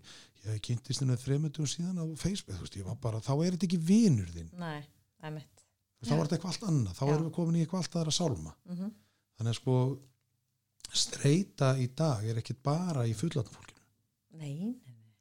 Ég held að væri hægt að fyrirbyggja mikið af svona áunum kvíða hjá börnum í dag ef að væri hægt að fyrirbyggja streituna fyrr. já, Þannig að snemt yngripp í streitu hjá börnum eh, getur verið mjög, þú veist, go- gott forvarnagildi, þannig sé. En, en málið er að streitan kemur náttúrulega bara úr svo ólíkum áttum veist, og, og, og streitan er mismikil eftir því og misjöfn náttúrulega eftir því á hvaða stíði maður er hverju sinni. já, Þannig að veist, þetta, er umhverfið og þetta er félagslegt og þetta er lífælisfræðilegt og svo er þetta náttúrulega bara huglegt. já, Þannig að mikið af streitun í dag er náttúrulega félagslegt. Það er þetta tóg og áreiti og alltaf vera að krefja þið um tíma, áreiti, nei, tíma og, og, og hérna og aðtigli og svo, svo kemur þetta rosalega mikið úr huga fólks. Fólk er að búa til mikla streitu í huganum já í dag. En er það þá að að, að, að þú nefnir sjá, að þú nefnir náttúrulega markþjálfun, Mm eru við sko, nú, ég er nú búin að prófa að búa í Þýskalandi og, og það var nú upplifun sko alveg upp á tíu, -hmm. af því að það var nú ekkert eitthvað svona fimm myndur yfir eitthvað, Nei, það var helst sko tíu myndur kortir fyrir já, að mæta. Allt. og mað, þetta var svona eins og maður væri slegin í allir, þetta Íslendinga sko, já svona við geimum, kemum þessum fimm myndur Já, svona bufferinn hérna. Já, það er þessi frægi buffer hjá okkur sko. Og svo bjóð ég í Danmörku og þar var svona, já, við skal hugja þetta Já, var svona alltaf allt vola slaft og eitthvað svona en, en samt svona ákveðin tíma uh, rammi sko. En svo eru við. Og við erum voðalega svona já, já, já Já, minnist þetta þegar ég flytti í Danmörku 93 þá var sko hérna frakkarnir voru búin að vera með einhverjar kjarnorkusprengi, eða æf tilraunir hérna 92 í einhverju Pólanísju hafi eða ég man ekki hvað þetta var og við ætlum sko aldeilis að vera á mótið þeim og þáttu ekki að kaupa fransk rauðvín en Rolf var nú búin að flytja inn Já. þannig að við gáttum nú ekki að fara að vera vond við Rolf Nei, nei. svo 93 þegar ég flytti í Danmörkur þá var sko ennþá verið að mótmæla og það var ekki ennþá verið að selja rauð, rauðvín frá Fraklandi Nei. og ég var bara í svona hló inn í mér fannst þetta að vera eitthvað svo að við Íslending, já, nei, aumingja svo Rolf sko. Já, já. þú veist, eitthvað maður þannig að, að, sko, eru við eitthvað, sko, hefur séð á þínum ferli, sko, svona eru við einstök er, þú veist, er náttúran af því að danirnir, til dæmis sögðu oft við mig, hvernig getið þið lifa svona af því að sko uh, slísið eða hérna snjóflóðin á, á Sú- Súðavík voru akkurat þegar ég var úti og þau voru bara ertu ekki bara alveg og er þetta ekki frænt fólkið þitt? Og svona, ég heyrðu, róið ykkur aðeins veist, við erum örlítið fleiri heldur en 20 á Íslandi Já, sko. já, já, já. þó svo að síndi sér svo að það var nú einhver skildur mér í í- sem að hafði dáið sko þannig að maður svona, ok, ég hef kannski ekki átt að segja þetta. En, en fyrir þeim fyrir dönunum þá er náttúran alveg bara, þetta er bara eitthvað svona klikkað já, já, og ég sagði já þetta er kannski þess vegna sem við lifum svolítið svona á morgun getur við verið farin. Já, ég held það líka og, og, og eins og með gósi í Vestmanni þá er maður náttúrulega bara alin upp við þetta já, að, að hérna mamma og pappi missa húsi sitt og það fyrir undir veist, húsi, eh, mamma og pappa er akkurat húsi sem að stendur uppi sem hérna í safninu í Vestmanni það var svona bara sýningagripur inn. Það var graf, grafið upp sko. og, og maður var alveg veist, alla tíð uppi það hvað náttúrun er öflug Já. og veginn, veist, það getur allt gerð skyndilega og svona. Þannig að ég held það já að við séum frekar kannski svona æðrulausari gagvart hlutu sem gerast í náttúrunni. Það er veðrið og það er þú veist, ég man að, að það var oft ég átti kannski að vera komin til Reykjavíkur úti þegar ég var að fara í eitthvað verkefni og það var ófært á vestmanni hvorki flugunni herjólfur. Og þú veist, þá verður það náttúrulega bara að sætta þig við stöðuna þannig að ég hugsa sko að við séum kannski við látum kannski ekki utanakomandi hluti eins og umhverfið hafa eins mikið streituvaldandi áhrif á okkur. Nei, eins og veist, erlendir aðeins myndi gera. Það sem eru minni svona umhverfis ógnir já, en aftur á móti eru við þetta litla samfélag sem að Ísland er að þá held ég að umhverfislegi streituvaldar nei hérna félagslegi streituvaldar já, séu að valda okkur meiri streitu. Það er að segja þessi endalösi samaburður við erum alltaf að falla inn í einhverja staðalýmyndir við erum sífælt einhvern veginn að að tikki í einhver boks að standa okkur eins og við teljum okkur þurfa að standa okkur og, og við erum einhvern veginn að byrja okkur sama við hinn og þennan og við viljum vera aðeins betri og allt þetta og, uh, svo er þessi huglægu streituvaldi það þá myndi ég segja að væri svona hvað, þú veist, hvaða gildi og viðhorf höfum við tilenga okkur í gegnum tíðina? Í uppeldi og í hérna já, í bara okkar eigin reynslu þannig að umhverfið er ekki að hafa eins mikil streituvaldandi áhrif á okkur eins og áður. En, en eru við samt sko of æð, æðrulega skakvart náttúrunni? En hvað getur gert þannig? Já, Hvað, hvernig ætlar að stjórna náttúrunni? nei, nákvæmlega Nei, því að með þetta er svona, þú veist að því að þetta er svolítið svo, ég læriði nú hérna í Danmarku að lassi fer, þú veist þetta er svona bara, Mhm. við látum, látum þetta stjórnast bara einhvern veginn svona, við bara vöknum og svo bara sjáum við hvað dagurinn hefur í, er í skautið sér, sem er náttúrulega mjög góð, eða þú veist, mér finnst mjög þægilegt að, að, að og hló oft, uh, þó að það var ljótt, að, að þegar að tannin kom með sko veðurfréttinnar og, og það var talað um snjóstorm sem að náttúrulega við Íslendinga vorum alveg bara já, ok, en samt sem áður voru 400-500 bílar sem að, að klestu keirðu, alveg klestu keirðu og allt sko. Og maður var bara satt inn í stofa og sagði bara aðeins skul ekki læra þetta. Já, Ég var bara held ég búin að vera í tvö ár. Að þá var ég búin að læra það að það væru minnst 400 bílar búin að keira því þeir voru alltaf bara á sumadekkjum sko. já, er þessi Skotlandi, ég bjóð þar, þú veist, þá bara svona, mátti koma svona nokkru sentimetrar á snjó og þá Já, fór, fór enginn í vinnu. já, eða þetta þegar það, bara lagðist á hliðila London en það hvað fyrir tveimur árum Mm.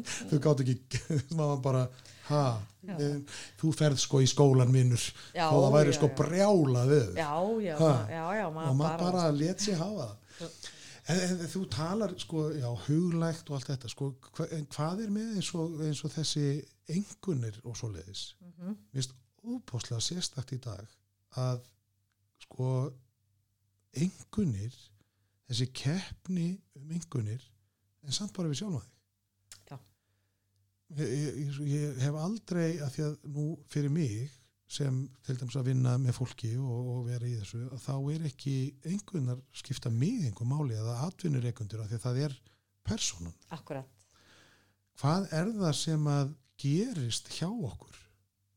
Veistu eða svona hefur séð að því að í þínu samtölum kannski við fólk? Mm og kannski kemur skólinn upp og, og þú veist, ég man alltaf, ég fekk alltaf að vita sko, ef ég kom heim með sjö það kannski ekki fengið sjö fimm. Mhm. svo kom ég heim með sjö fimm, nei, akkur kannski ekki fengið átta? Mhm. og endan þá var þetta bara alltaf endalist kaplaup já, að reyna að ná einhverju sem að skipti ekki máli. Þannig Nei. ég bara ákvaða þá er mér alveg sama Þa, þa, þa- þannig að í rauninni sko það sem gerist þannig á þér er að það, það er búið að innfæra inn í hugan á þér að það sem þú gerir er ekki nóg. Já, og getur alltaf gert betur. Já, þannig að þú leipur alltaf eftir einhverju meira. Og það er það sem er svolítið uppeldið okkar kynnslóðin okkar er svolítið þannig að það er, þú veist, þú getur alltaf gert betur en þú gerðir. Já, þannig að uh, það, svolítið, það sem gerist er að það er innfært inn í hausin á okkur eitthvað sem heitir skildu sjálf já, skildu sjálf er mjög magnað sko þannig að í raunsjálfinu ertu það sem þú ert í dag og svo ertu með eitthvað sem heitir skildu sjálf og þar eru bóksinöld sem átt eftir að tikka í til að vera sómasamli manneskja já. En er þetta þá, hérna er þá egoið og ítið eða og svoleiðis, eða er þetta eitthvað ný, þetta, er allt eitthvað svona allt Já, annað, já. Þetta er rauninu sko, veist, það sem að gerist er að þú ert með, þú ert með misræmi í hausnuðinum á milliðis hver þú ert og hver þú telur þið þurfa að vera. Þetta er svona siðferðislegt sjálf sem er gott að blessa, við þurfum öll að hafa það. Og svo koma svona önnu sjálf sem heita, þú veist, ég þarf að standa mig vel sem, sem bann og, og ég, þarf að, ég þarf að vera, fóldri mínum til sóma. Ég þarf að vera góð vinkona og ég þarf að vera góð maki og ég þarf að vera góð fóreldri og, allt, og öll þessi skildu sjálf sem að keirast svolítið áfram á einhverju sem að þú ert búin að móta í höfðunniðinu gagvart því hvert þú telur þið þurfa að vera samkvæmt áliti annara eða áliti samfélagsins. Já. og við erum svo mikið að keira okkur eftir þessu. Er einhver leið að hætta þessu? já, þegar þú áttaði á því að þú er búin að tikka í öll boksi, boksin á skildisjálfunu þú, að, þú, segir bara alltaf sjálf að bara, heyrðu, ég er bara búin að standa mig vel. Veist, ég er bara góð mamma ég er bara góð dóttir og ég er bara góð vinkona, ég er góð maki ég er staðið mig vel í vinnu, ég er komin á þann stað sem ég vætla mér. Skildi sjálf er gott að blessa þegar þú ert að koma þér á hvern ákveðin stað sem þú ert að sækjast eftir. En svo hérna getur ekkert kyrti áfram að skildi sjálfinu lengur. Nei, þá tekur annað sjálf við sem heitir óska sjálf. Og óska sjálf er kert á því hver vil ég vera? Hvernig lífi langar mig að lifa? Langar mig, veist langar mig að slaka þess á í vinnunni langar mig að velja einhverja aðra vini fram fyrir hina. Langar mig aðeins að slaka á í að hafa samskipti við fóldra mína. Hvað langar mig? Þannig að þá tekur það við og þá ertu svolítið að lifa eftir þínum eigin gildum og á þínum eigin fósendum þannig að, að nú ertu búin að refna skildu sjálfið, raun sjálfið, óska sjálfið Mhm. eru fleiri? Vist þetta alveg eðal spennandi Þetta er magnað sko. Nei, þetta, þetta er svona, þetta kallast sko, þetta, er rauninni svona hérna kenning sem að kallast svona sjálfsmisræmi. Þetta er misræmi í sjálfsmyndinni millir þess hver þú ert og hver þú telur þið þurfa að vera og hver þú óskar þér að vera. en e, tengist þetta sko að því nú erum við svolítið við hefum svona verið að reyna að hafa þetta þannig að þessi þáttu kannski kemur inn á uppeldið og svoleiðis Mm -hmm. sko en, en, og, og samt sem áður því ég er náttúrulega alltaf að bera, ég er alltaf að tala um börnin mín, maður hefur ekkit annað í höndunum sko, Mhm, að þó svo að við hjónin teljum okkur hafa gert allt sem í okkar veldi stendur til þess að, að börnin okkar verði ekki eins og við. Mhm, eða syns þetta, þessi konflikt eins og þú ert að segja. Já, að því að, að ég átt að verða einhvern veginn og ég var alltaf að, þú veist, við vorum alltaf að eldast við þetta þá þess að hvað maður átt að verða Já. í augum ykkur annara sem Mhm. að skildi aldrei að því ég kannski vildi ekkert fara þangað og svo byrja börnin einhvern veginn að gera eitthvað sem maður er alveg bara akkur ég ólið ekkert svona upp akkurat.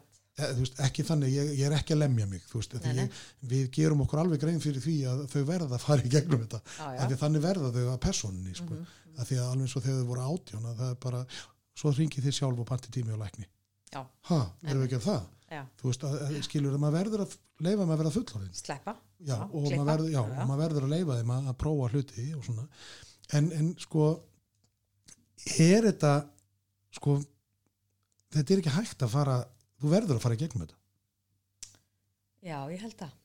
Ég held að partur af þínum þroska sé að fara í gegnum skildu sjálfið og uh, skildu sjálfið er byggt á því að veist, komast á ákveðin punkt í lífinu sem að hérna, þú ert ánæði með. Og það er einhvern veginn að klára námið þitt og, og, og, og sinna, veist, sinna þínum grunnskildum já, en svo er það svo, er þegar búin að tikka í þau box. Þá áttu bara að vera sáttur. Þá áttu bara að segja ok, nú er ég bara búin að gera gott ég er búin að gera vel og hérna hvað langar mig svo að gera þannig að það er partur af því að þróskast að fara eftir svona siðferðslega sjálfinu. En svo þarftu svolítið að fara að hugsa ok, nú get ég ekki lengur verið að keira á eftir skildu sjálfinu og gera endalust hluti á fórsendum annara. Og ég kalli þetta oft sko væntingastjórnun. Já. því að við erum sko við, erum, svo, við eigðum miklum tíma í að hlaupa á eftir væntingum annara en væntinga Ó, óljósu væntingum annar já, nei, sko, já, að því svo veist ekkert hvað þú, veist, þú heldur að sé ykkur væntingar Já, svo segir þú, svo, svo, svo, svo, ef, ef ég myndi sita hérna og ég segi, heyrðu, þú ert með einhverja væntinga til mín. Eru væntinga þínar mitt vandamál? ég myndi ekki halda það Nei, það er ekki mitt vandamál.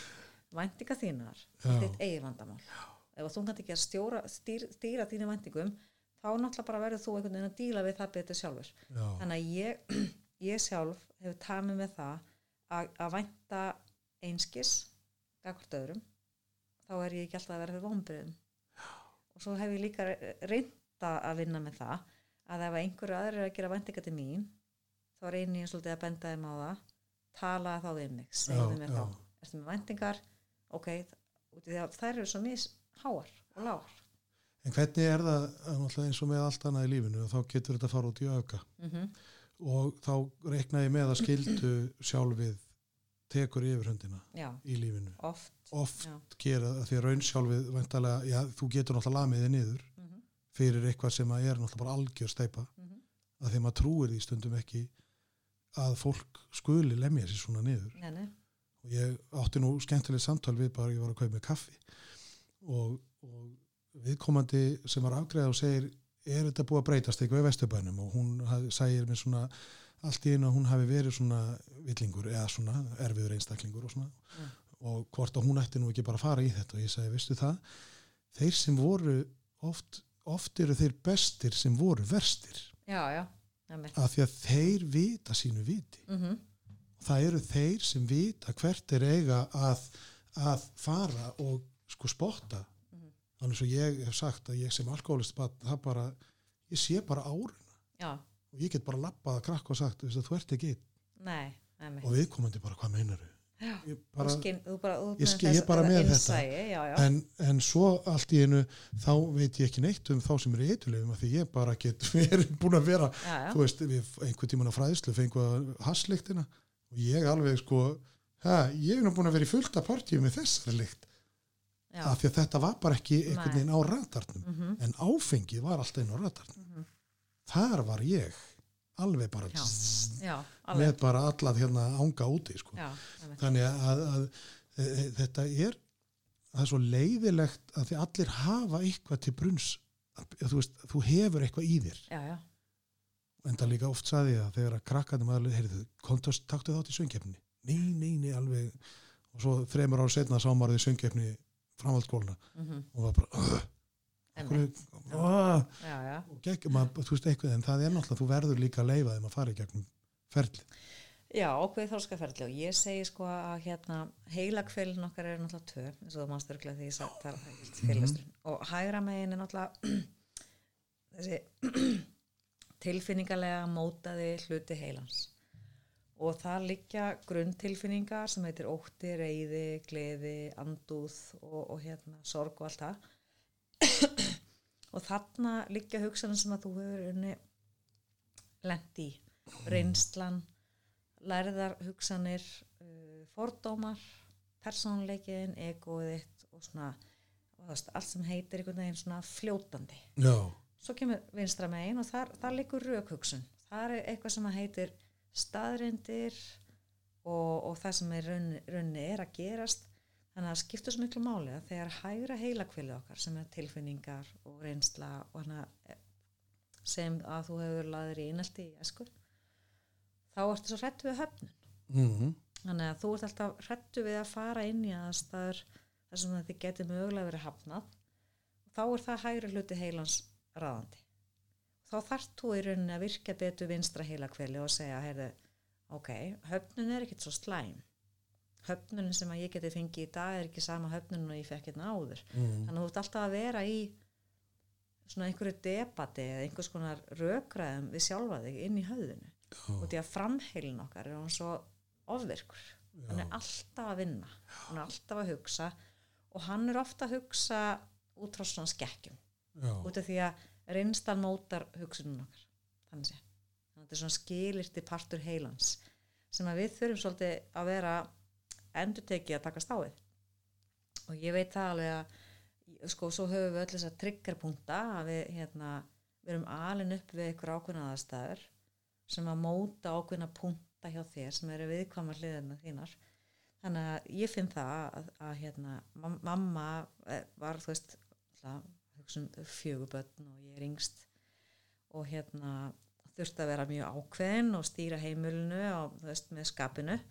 Þannig að stundum leið mér þannig að ef að, ef að þungt skap á heimilinu þá var þess að ég bæri ábyrð á því. Þannig að ég er svolítið alin upp í slíkt og það kemur ákveðin meðvirkni. Mhm, þannig að um leið og hérna og svo náttúrulega reyndi mamma að stýra mig svolítið inn í þetta hérna form að vera stelpan sem að ég vildi ekki vera. Já, ég vildi bara vera strákastelpan já, hún, já, já, það, þetta sem að foreldrar oft þetta í. Já, að, að búa til eitthvað hlutverk. Já þannig væntingar hennar. Vænti, til mín. Og þó, svo var ætlasti þess að ég myndi mæta hennar væntingum já, sem að ég gerði ekki. Og þannig að þá var ég alltaf einhvern veginn að valda henni vonbriðum og ég alltaf einhvern veginn að móta með mér ákveðna meðvirkni þannig að, í dag finn ég það að ég þóli ekki það svona ákveðin við, viðkvæðan punktur hjá mér og ég kalli þetta triggerpunktin að þegar hérna bóndin minn að það er að fara að stjórna mér eitthvað mhm, segja mig hvernig ég á að vera eða hvernig ég á að hegða mér það kveikir upp grunn tilfinningu á mér sem heitir reyði og ég verð alveg ofsa reyð já, ég ræði ekkert við hana. Þetta er bara algjörlega grunnkjarnin minn. Þá bara kom upp vartan viðbröð og ég fer í streitu öryggisviðbröðin og verða alveg reið og bera á móti sko. Þannig að það er svo gott að tekja þessa punkta. Hvað er það sem tryggur að mig veist, þetta, er- þetta er svo áhugavert að því að þegar ég semst byrja að vinna komu mína til konar sem að sko kemur frá allt öðru þessi heimilhildun ég. Mm -hmm. þar var bara ást og þar var sko ég held að myndi líða yfir mig þegar þau kistust einhvern, veist, ég veist, það var veist, ég var bara, hvað er í gangi hérna? Er þið ennþá að gera það, veist, ég var bara heilin á mig var að springa, sko. Svo sagði hún, það var eitt sem hún sagði pappina var fættur 1918 já, þegar að maður horfir á fréttinnar þegar að pappi horfir á fréttinnar þá er ekkert gert á meðan. Nei. Þú lest til dæmis ekki blöðin og hvað gerði ég? Ég er alltaf að byrja á því bara að lesa blöðin alltaf þegar hann var að á já, og ég, þetta var ég. Ég fór einhvern veginn, gerði alltaf þver öfugt við það sem að átt að gera. já, var, var viðkent sko. Já. já, og, og ég held nú að kallin að fyrirgeði mér þetta því ég var náttúrulega bara svona veist, þetta var svo náttúrulega kynntist með árunum og svona, svo hætti maður þessu náttúrulega. En þetta var einhvern veginn svona þannig ég, ég finn alveg þess að veist hvað maður gerði. Já, já, bara til þess að pyrra fólk. Já, já, já. að því að bara, var Til, að, til að fá einhver viðbröð já, þannig að þannig er þú öruglega að- taka eitthvað þú veist, ein- einhverja skilirta hegðun frá æsku mm, að, að hérna þú vildi fá einhvers konar aðtegli og í staðin fyrir að fá enga aðtegli þá þurftur að fá neikvað aðtegli já. Ég er alveg, maður er alveg þar. Og hvað gerum við í uppöldi barnan okkar? Þetta er náttúrulega galið sko að hérna að þegar börnun eru góð og þæg þá veitum, þeim, þá veitum við þeim ekkert mikla aðtegli mm, við erum bara einhvern veginn sinnum okkar störfum og allt þetta en um leið að þau haga sér illa þá þá allt í hennu kemur eitthvað já, viðbröð já, já. en þetta er svo magna með okkur að við erum, veist, við erum bæði öruglega alveg við það að, að bæla tilfinningar. Mm, að, hérna, að þegar við erum börn ef að, þú veist segðu þú mér núna, þú veist ef þú varst, hérna ef þú varst ofsa gladur sem barn, þetta er bara grunn tilfinning mm, sem þú fæðist með. Hvað var sagt við það var annað, ég borðaði annarkort eða þá fekk maður eitthvað að borða þegar maður var svo glaður, maður gæti fengið böflu eða eitthvað. Mm og síðan var svona, já, róaði þig. Er það ekki? jú, Já, þannig að þannig að er verið að segja þér verð ekki svona gladur mm, bældu þess tilfinningu niður. Mm. ok, en þegar þú varst ofsa reyður þá var aftur, þú veist uh, aftur að bæla niður. Akkurat, og svo borðaði ég, eða veist, Já, þetta já. var svona skammastu inn og Já. verð ekki með sér læti. Ok, þannig að það sagt við bældu þess reyði niður. Já, ok, segjum svo þegar þú varst uh, leiður. Hvað var sagt við þá? þá var nú eðilega, ég sko var fljótur að uppgöða á mínu heimili. Mm. að það að vera leiður það gætt mjög jákvæðar afleggingar ok, og ég notaði það óspart. En var ekki sagt þá við þig hættu nú að vera svona leiðu, verður nú glaður. Jú, það var reyndar sagt en ég notaði líka þennan leiða til þess að fá aðtegli fá aðtikli og til þess að fá það sem ég vildi. En þarna sérðu, og sett upp ákveði leikri Já, þetta já. alveg, þetta var ég, sko, held að öll börn gerir þetta já, já, ég hef alveg geta verið sko bara fengið rullu í bíómynd fyrir þetta. Þannig að þannig sagt við þig ok, verður nú ekki svona leiðu, verður glaður. Já. Og svo, og svo, svo verður þú gladur og þá máttu ekki vera gladur þetta er náttúrulega svona það allt- víta já. hringur einhvern veginn sem verður. Þannig að sko þessar grunntilfinningar sem við fæðumst með, sem eru sex við, hérna, hvað sem við fæðumst Afríku, þú veist. Já, skiptir engum mál hvað það er. Þá er það bara, þú veist, þú fæðist með grunntilfinningu sem heitir gleði. Já, þú fæðist með grunntilfinningu sem heitir reyði, ótti sorg, andúð og að bregða, að verða hissa. Mhm. þetta er svona samkvæmt svona ekkmann kenningunum og í æsku þá er okkur kent að bælast tilfinningu niður okkur er ekki kent að leifa þessum tilfinningum koma og ná að stjórna þeim. Heldur er bara sagt við að bæla þetta niður og svo sapnast þetta upp. Og svo þegar þú ert orðinn fullorðinn þá blossa tilfinningarnar aftur upp. Þegar þú kynnist eða lendir í einhverjum aðstæðan sem tryggjara þessar grunn tilfinningar og þá koma þær út í svona reyðiköstum eða, eða óttaköstum eða grátköstum eða hvað sem en er. það ekki líka þegar þú hittir kannski þann sem þú elskar? Jú, jú, og þú verður já, svo gladur að það bara þú veist ekki hvað átt að gera. Já, verður svona svo blindu kettlingur. Já, og þá bara ferðu út í eitthvað þú veist bara ó, þú veist, Já, já. þá hristist allt í þessu. Já. en hvað er, hvað er þá til ráða eins og í uppeldi? Það sem ég þól ekki ég stóð einu sinni í einhverju maturöfesluninni og þar var krakki sem að, og foreldri sagði ef þú hættir þessu ekki, þá fer ég með út í bíl. Mhm. og þetta endur tók foreldrið held ég 15 sinnum. Mhm. og ég var alveg við það að fara að snúa mér að foreldrið og segja viltu taka helvitis krakkan út í bíl? Já, ég var honum það reyður inn í já, sko. að því að við fórum einu svona með krakkana okkar inn í búð og við sögðum við þau ef þið gerið eitthvað þá farið út í bíl. Mhm, og náttúrulega annarkvort þeirra gerði eitthvað mhm. og þau lærðu bæði þann daginn að það er staði við orðin. Já, þú veist að, að, að við megum það sem mér, þú veist, það sem að fer rosalega kannski tryggjapunkturum já, það er já. þetta með, ef eitthvað er sagt Mhm. hlýttu eða þú veist eins og þetta sko, ekki seg, koma með svona hótanir ef þú ætlar ekki að standa við þér Nei, nei, nei, þetta er náttúrulega bara, þú veist, já, og hérna, þetta er svona, ég veit að þetta er erfitt þetta, Já. er, þetta er það erfiðast sem þú örugglega gerir, það er að ég vil að gera hérna gæsa lappirnar, þú veist, að refsa banninu Mhm. af því að þetta er einhvern veginn þetta er svo lítil kríli og það má ekki vera vondi við börnin og, Nei. en hvernig eiga börnin að læra? ég, ég lendi einmitt einmitt einu sinni í þessu með minn elsta sem er átján í dag, hann, hérna, hann tók svona frikukast út í, út í 10-11 í lámúla, ég man eftir þessu. Út í því að, hérna, hún langaði ís og ég opnaði ís, hérna, skápinn og hann trompaðist eitthvað, þú veist, út í því að, nei, hann kom ekki strax. Og ég sagði, herðu, komdu, þetta er að velja ísinn og hann trompaðist úr því að svo bara netti ekki að býða lengur. Hann var að reyna á mín þólmörk sko hann að ég bara lokaði í skápnum og, og hérna og lappaði aðgræslubarnu og hann tekur svona fríkast ég lappaði bara út í bíl. Ég sagði, ég er farin. Þú mátt koma með mér eða þú velur þú veist, Mm. og þá kom kona til mín og hund skammaði mig fyrir þetta sko en, en við erum náttúrulega, þú veist málið er bara að að, hérna við, við erum alltaf mikið að veita neikvæðri hægðun aðtekli í staðin fyrir að veita jákvæðri hægðun aðtekli og virkja þannig jákvæðu hægðun fólks þá eru við svolítið í því að veita börnunum aðtekli þegar þau eru að hægða sér á neikvæðan hátt. Og hvað gerir það? Þá náttúrulega átta þau sig á því og þau náttúrulega gera þetta ómeðvitað hei, ég fæ aðtekli ef að ég hægða mig svona Mm. þannig að best að gera það oftar þannig að fó, sem foreldri þurfum við svolítið að vera duglegri að hugsa ok, þegar barni situr við eldúsborðu er að lita og er bara ánægt og það er jafnvægi að setjast niður með því og segja vá, þú veist, enn flott og, mm. veist, og ég finn þetta bara um bönn þú veist, ég, ég, dett alveg í þá streitu stundum að veita enga aðtegli þegar þau eru glöð og jafnvægi en um leið og þau fara eitthvað að láta í sér heyra og þá bregst ég við. Mm. og þetta er svo kólrá en við gerum þetta öll.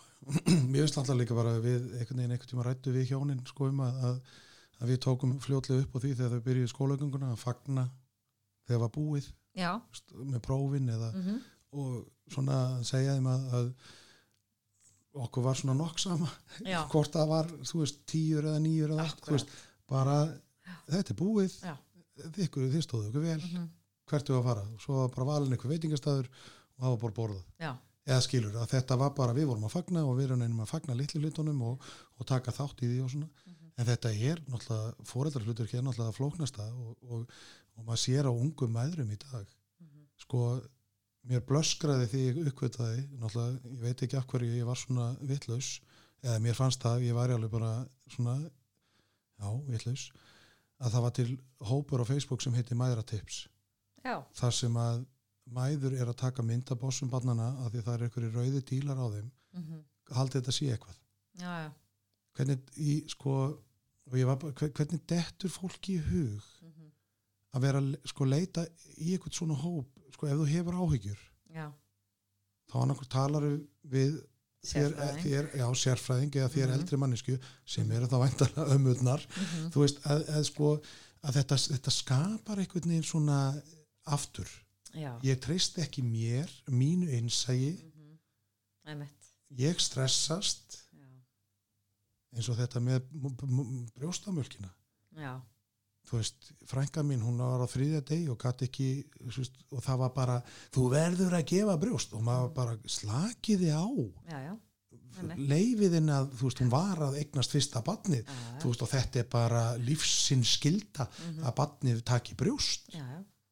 Já, ég meina má, málið er líka bara þessi staðalímynd sem búið að lemja inn í hausinu á okkur, veist, ég kalli þetta ákveðna innfæringu, það er búið að innfæra inn í hausinu á þér einhverja staðalímyndu það, hvernig það er að vera móðir með ung barn og hvað sem það er. Og ef þú uppfyllir ekki þessa innfæringu, þá, veist, þá ferð þú bara að byggja upp kvíða og vanlíðan og, og ég meina, þú veist, ég, með bara með unga móður um, um daginn sem að hérna, eignast barn og það er ekki alveg full frýst og þetta, þú veist, þetta lá bara á henni. Hvað gerði ég rátt eitthvað sem hún gæti ekkert gert að Nei, veist, sem að er líka alveg ótrúlegt Já. að því að börn verða veik. Já, þau eru ekki, sko, jú maður er alltaf fyrsta sem að tekkar.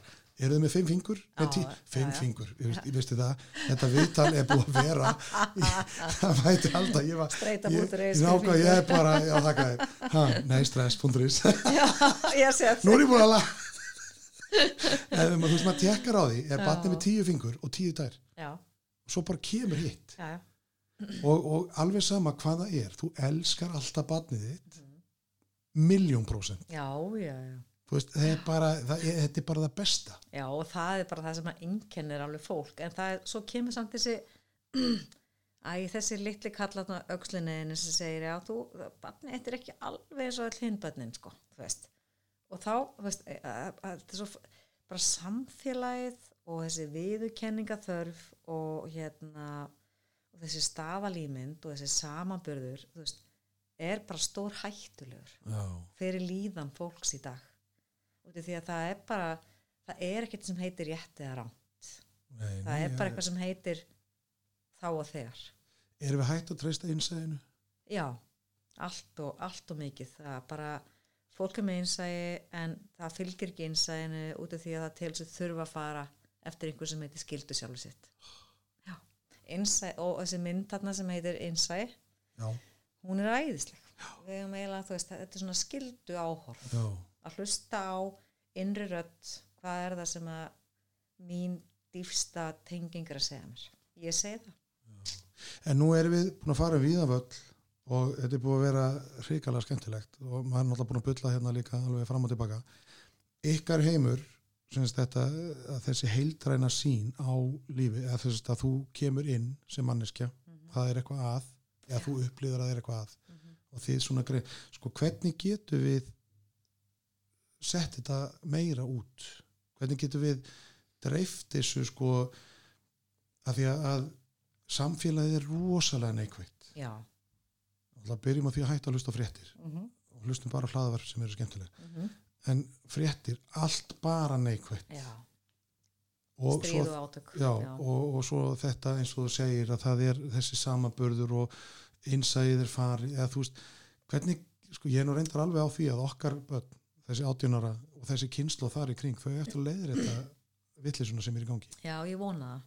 Af því að þau eru svona fatt að það er ekkit allt svona eins og við höldum það sér nei, ég, ég, áttaði mig svolítið á þessu sko, ég hef alltaf verið ég hef aldrei verið, jú, jú, ég, ég var á þeim tí, á, á, á tímanbúndi sem að ég var alltaf að keppa við tíman já, þannig að eins, eins og margir í dag þú veist, ok, þú ert með ákveðin tíma og hvað ætlar að gera við hennar tíma? Þannig að við erum alltaf einhvern veginn að nýta tíman þannig að við erum alltaf einhvern veginn að búa til meiri streitu. Já, og hérna, ég var mannskjum daginn hjá mér í, hérna, í meðferð sem að hún átti að vera í svona kvíldarinnlög og þá er maður að benda ná að þú ert að kvíla heilan og hva, hvernig kvíla maður heilan.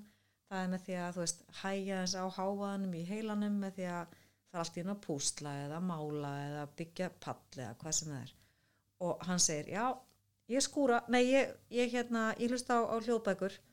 Og ég segi frábært. Já, en ég sópa pallina með hann. Og ég segi, af hverju? Og hann bara, nýta tíman við erum alltaf að nýta tíman en tímin er bara veist. og, og ég meina að þú hefur öruglega lendið því sjálfur einhvern tíman á tímanbili í þínu lífi að þú fyrir útlanda og þú ætlar að nýta tíman þú ætlar að nýta veist, hvern einasta dag og hvern einasta sólagisla til þess að vera í sólinni eða hvað sem það er þetta er streituvaldur mm. þannig að við þurfum svolítið átt okkur á því að tíminn líður bara veist, og, og, hvað, hvað skiptir máli fyrir þig hér og nú og ég segi oft sko við verðum að hætta að tala við okkur sjálf út frá kröfum. Við erum svolítið kröfu hér á sjálf okkur. Við erum alltaf að segja, herru, þú þart að í staðin fyrir að hugsa herru, hérna, talaði við sjálfa þig út frá þörfum. Hvað vantar mig, hvað þarf ég? Þannig að þegar þú er kannski á laugadegi og framundan eru kannski tvö barnaamali og fymtu sammali um kvöldið þarf ég að fara í þessi barnaamali þarf ég að fara í, í það fymtu sammali eða þarf ég bara að kvíla mig? Þannig að í staðan fyrir að vera alltaf í þessum kröfum tikka í skildu sjálfið reyndu svolítið að hugsa oft bara hvað þarf ég? Við þurfum að læra að vera að hugsa sjálf okkur. Seta- er, já, og setja þarfinnar okkar forgansöðun í fólk nummer 1, 2 og 3 og ég segi sko að orðið sem heitir sérhlýfni sem hefur svona neikvæða gildislæningu við erum pínur sérhlýfin Er þetta ekki bara falleg loka orð? ég held það. Þetta er búið að vera hrikalega skemmtilegt og það kemur náttúrulega óvart og það er náttúrulega gaman og eins og þú varst að tala um hvaða væntingar á maður að hafa. Núna hafði ég bara engar væntingar Nei, nema, jú, ég þurfti að vita hvort þú værir fyrirvændi eða fyrrum. Það var það eina sem ég langaði að spurja það sko. þannig að, að ég bara þakkaði kærlega fyrir að, að taka þennan smá tíma með mér já, og ég vona að fólk bara fara að hugsa um sjálfa sig, Já. sjálft sig. Ég segi það, þannig að, og svo er það náttúrulega stress.is stress.is já og bara eins og maður segir að hérna flest okkar eru þannig að ef, ef að flugvélin er að rapa þá förum við á hlaupum og setjum grímur og alla aðra. Já, þannig að tökum okkur líka í fyrsta sæti. Já, þannig að takk kærlega fyrir að, vera með mér. Takk sem leis